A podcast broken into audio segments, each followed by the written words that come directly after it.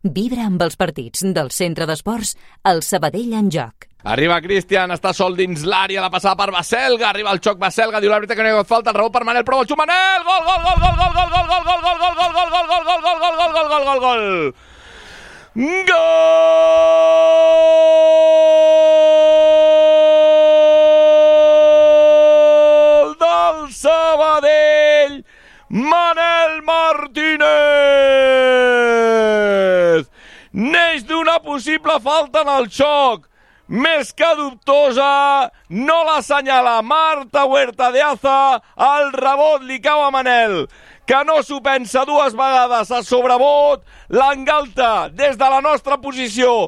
Es veu perfecte que la pilota acabarà allà dins, tot i això la toca Dani Martín, que només la pot acompanyar perquè li doblega les mans, marca el Sabadell, marca Manel Martínez per tornar a equilibrar el partit. 36 Primera meitat, empat al Sabadell, Manel Martínez.